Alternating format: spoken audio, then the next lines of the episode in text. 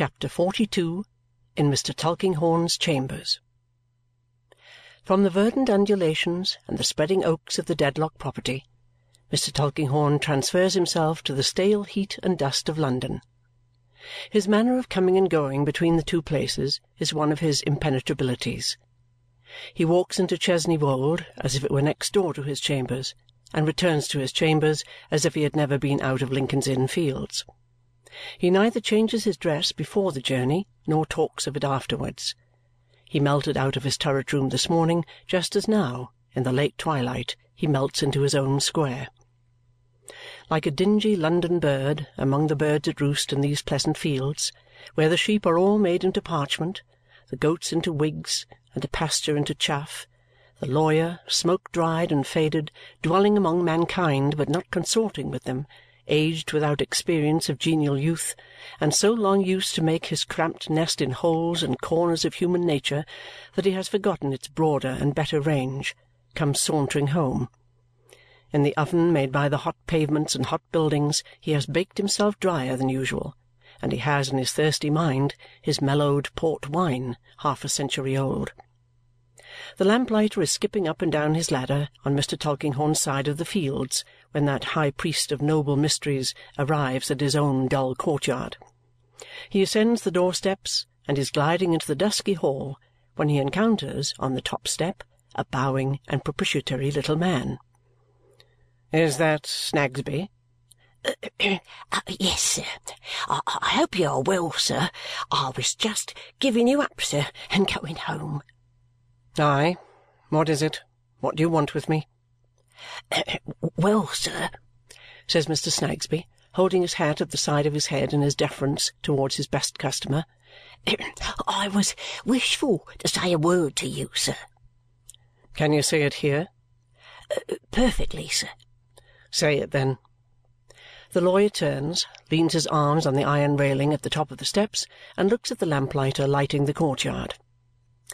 It is uh, relating," says Mr. Snagsby in a mysterious low voice, "it is relating, not to put too fine a point upon it, to the uh, foreigner, sir." Mr. Tulkinghorn eyes him with some surprise.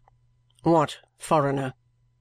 "The uh, foreign female, sir. French, if I don't mistake. I'm not acquainted with that language myself, but I should judge from her manners and appearance that she was French. Anyways, certainly foreign.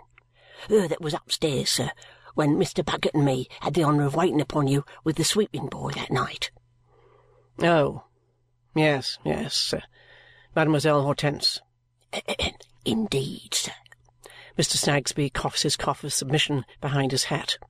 "I am not acquainted, myself, with the names of foreigners in general, but I have no doubt it would uh, be that. Mr. Snagsby appears to have set out in this reply with some desperate design of repeating the name, but on reflection coughs again to excuse himself. "And what can you have to say, Snagsby?" demands Mr. Tulkinghorn. "About her?" Uh, uh, "Well, sir," returns the stationer, shading his communication with his hat, "it falls a little hard upon me. My domestic happiness is very great. At least it's as great as can be expected, I'm sure.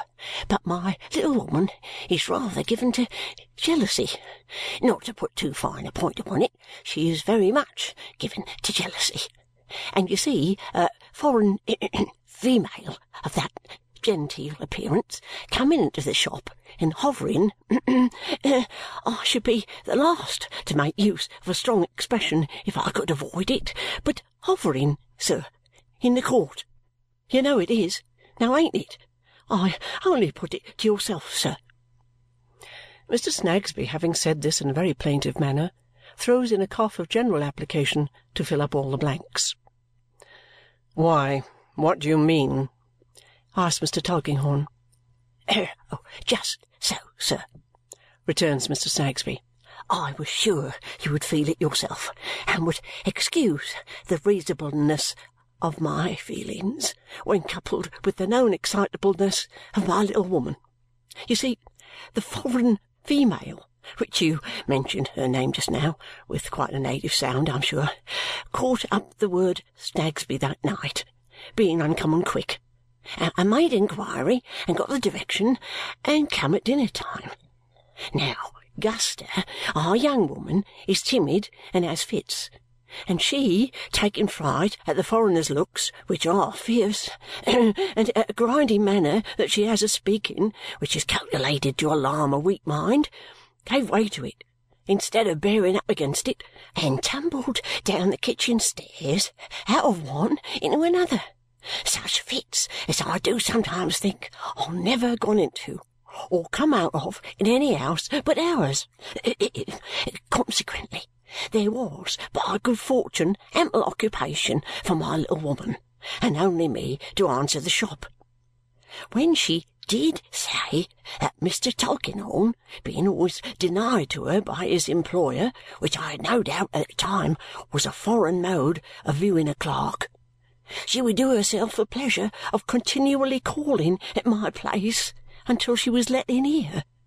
Since then she has been, as I began by saying, hovering. Hovering, sir. Mr. Snagsby repeats the word with pathetic emphasis. In the court. The effects of which movement it is impossible to calculate. I shouldn't wonder if it might have already given rise to the painfullest mistakes even in the neighbours' minds, not mentioning, if such a thing was possible, my little woman. Whereas, goodness knows, says Mr. Snagsby, shaking his head, I never had an idea of a foreign female, except as being formerly connected with a bunch of brooms and a baby, or at the present time with the tambourine and earrings. I never had, I do assure you, sir. Mr. Tulkinghorn had listened gravely to this complaint and inquires when the stationer has finished, "And that's all, is it, Snagsby?"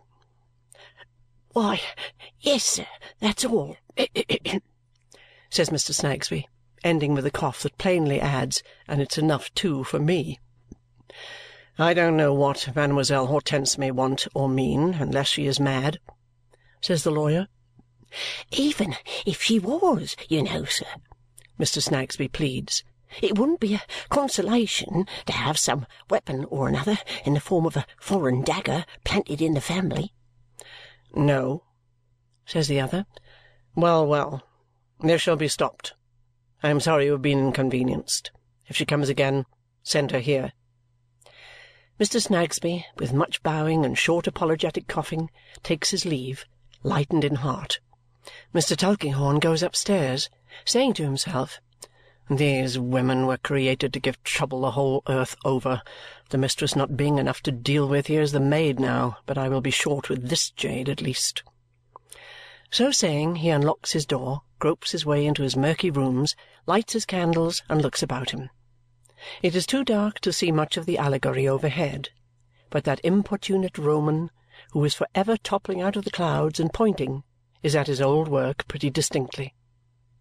Not honouring him with much attention, Mr. Tulkinghorn takes a small key from his pocket, unlocks a drawer in which there is another key, which unlocks a chest in which there is another, and so comes to the cellar key, with which he prepares to descend to the regions of old wine.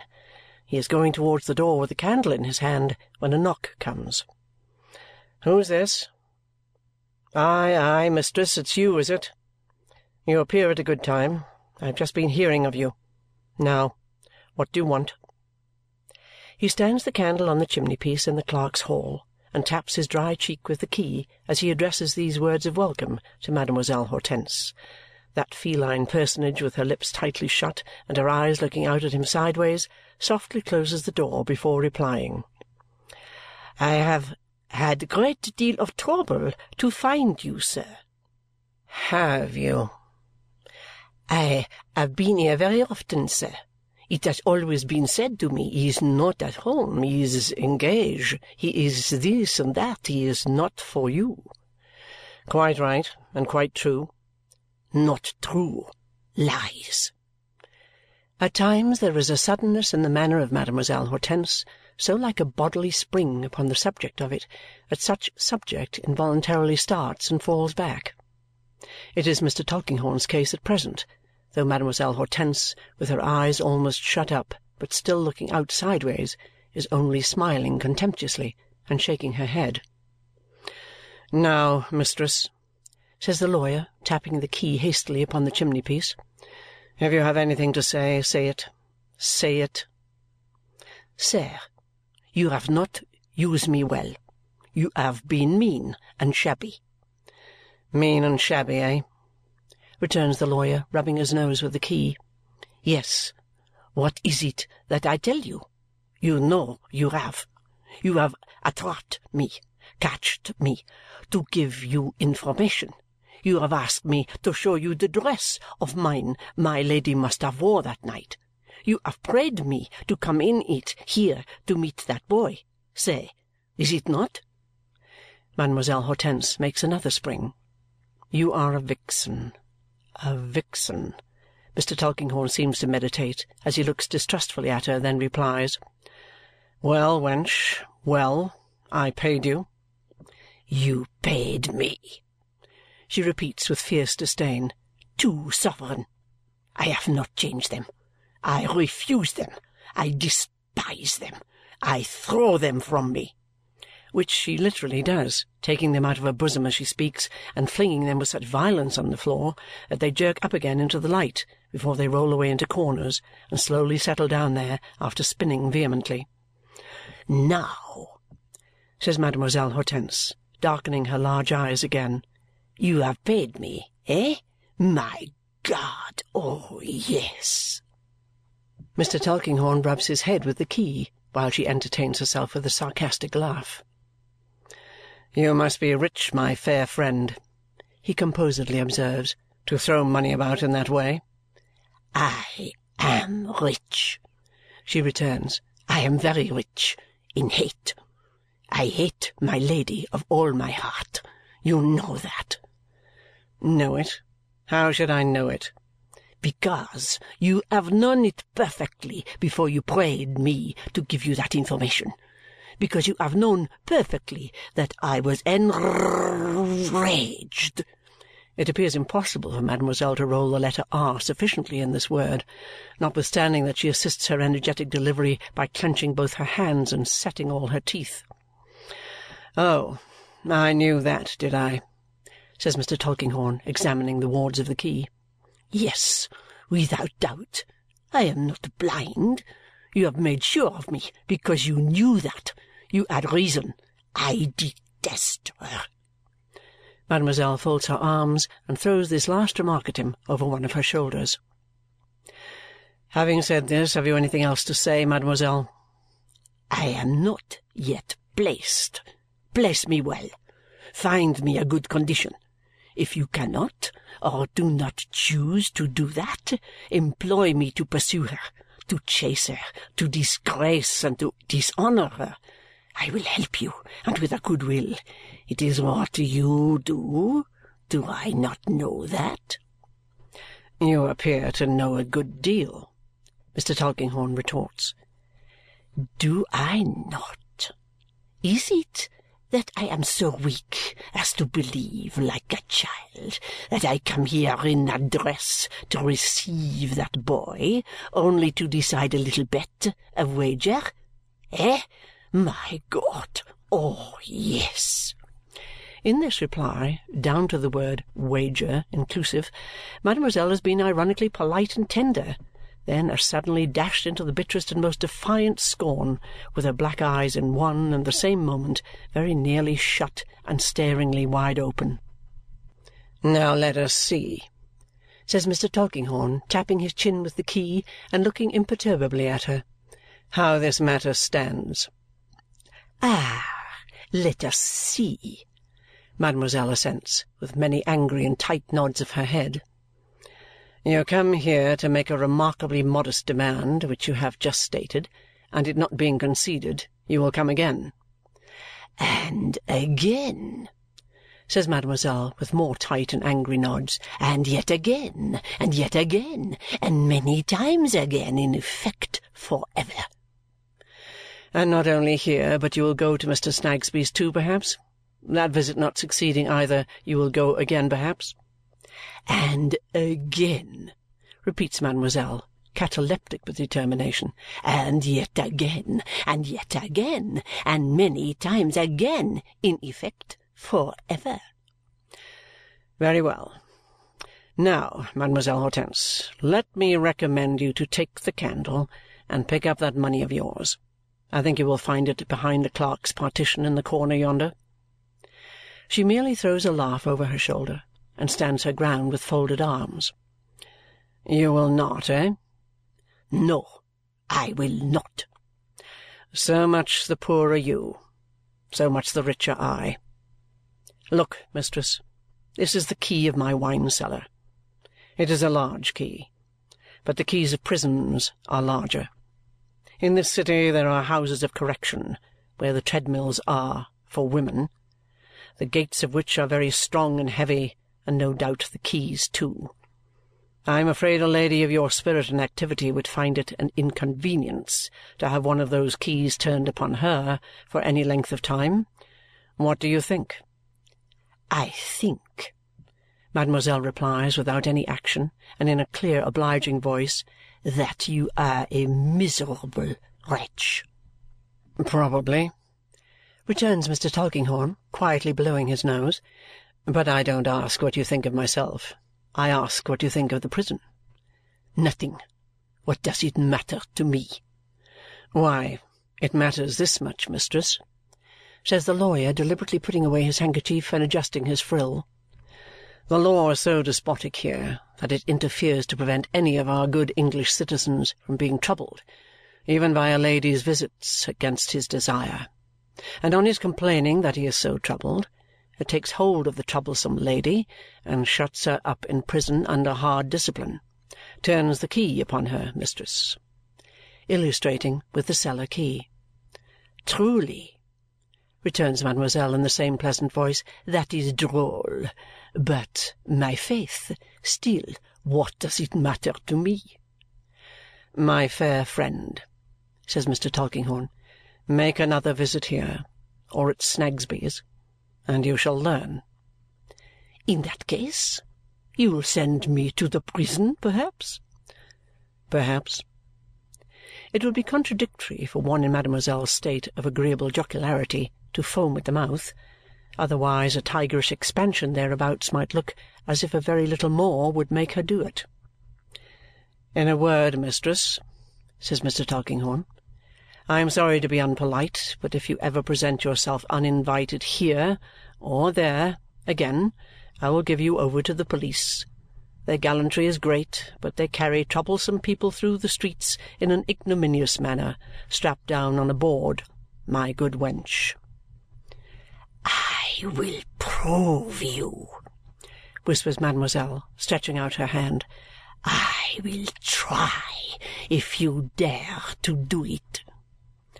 And if, pursues the lawyer without minding her, I place you in that good condition of being locked up in jail, it will be some time before you find yourself at liberty again. I will prove you, repeats mademoiselle in her former whisper. And now, proceeds the lawyer, still without minding her, you had better go.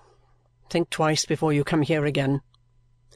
Think you, she answers, twice two hundred times.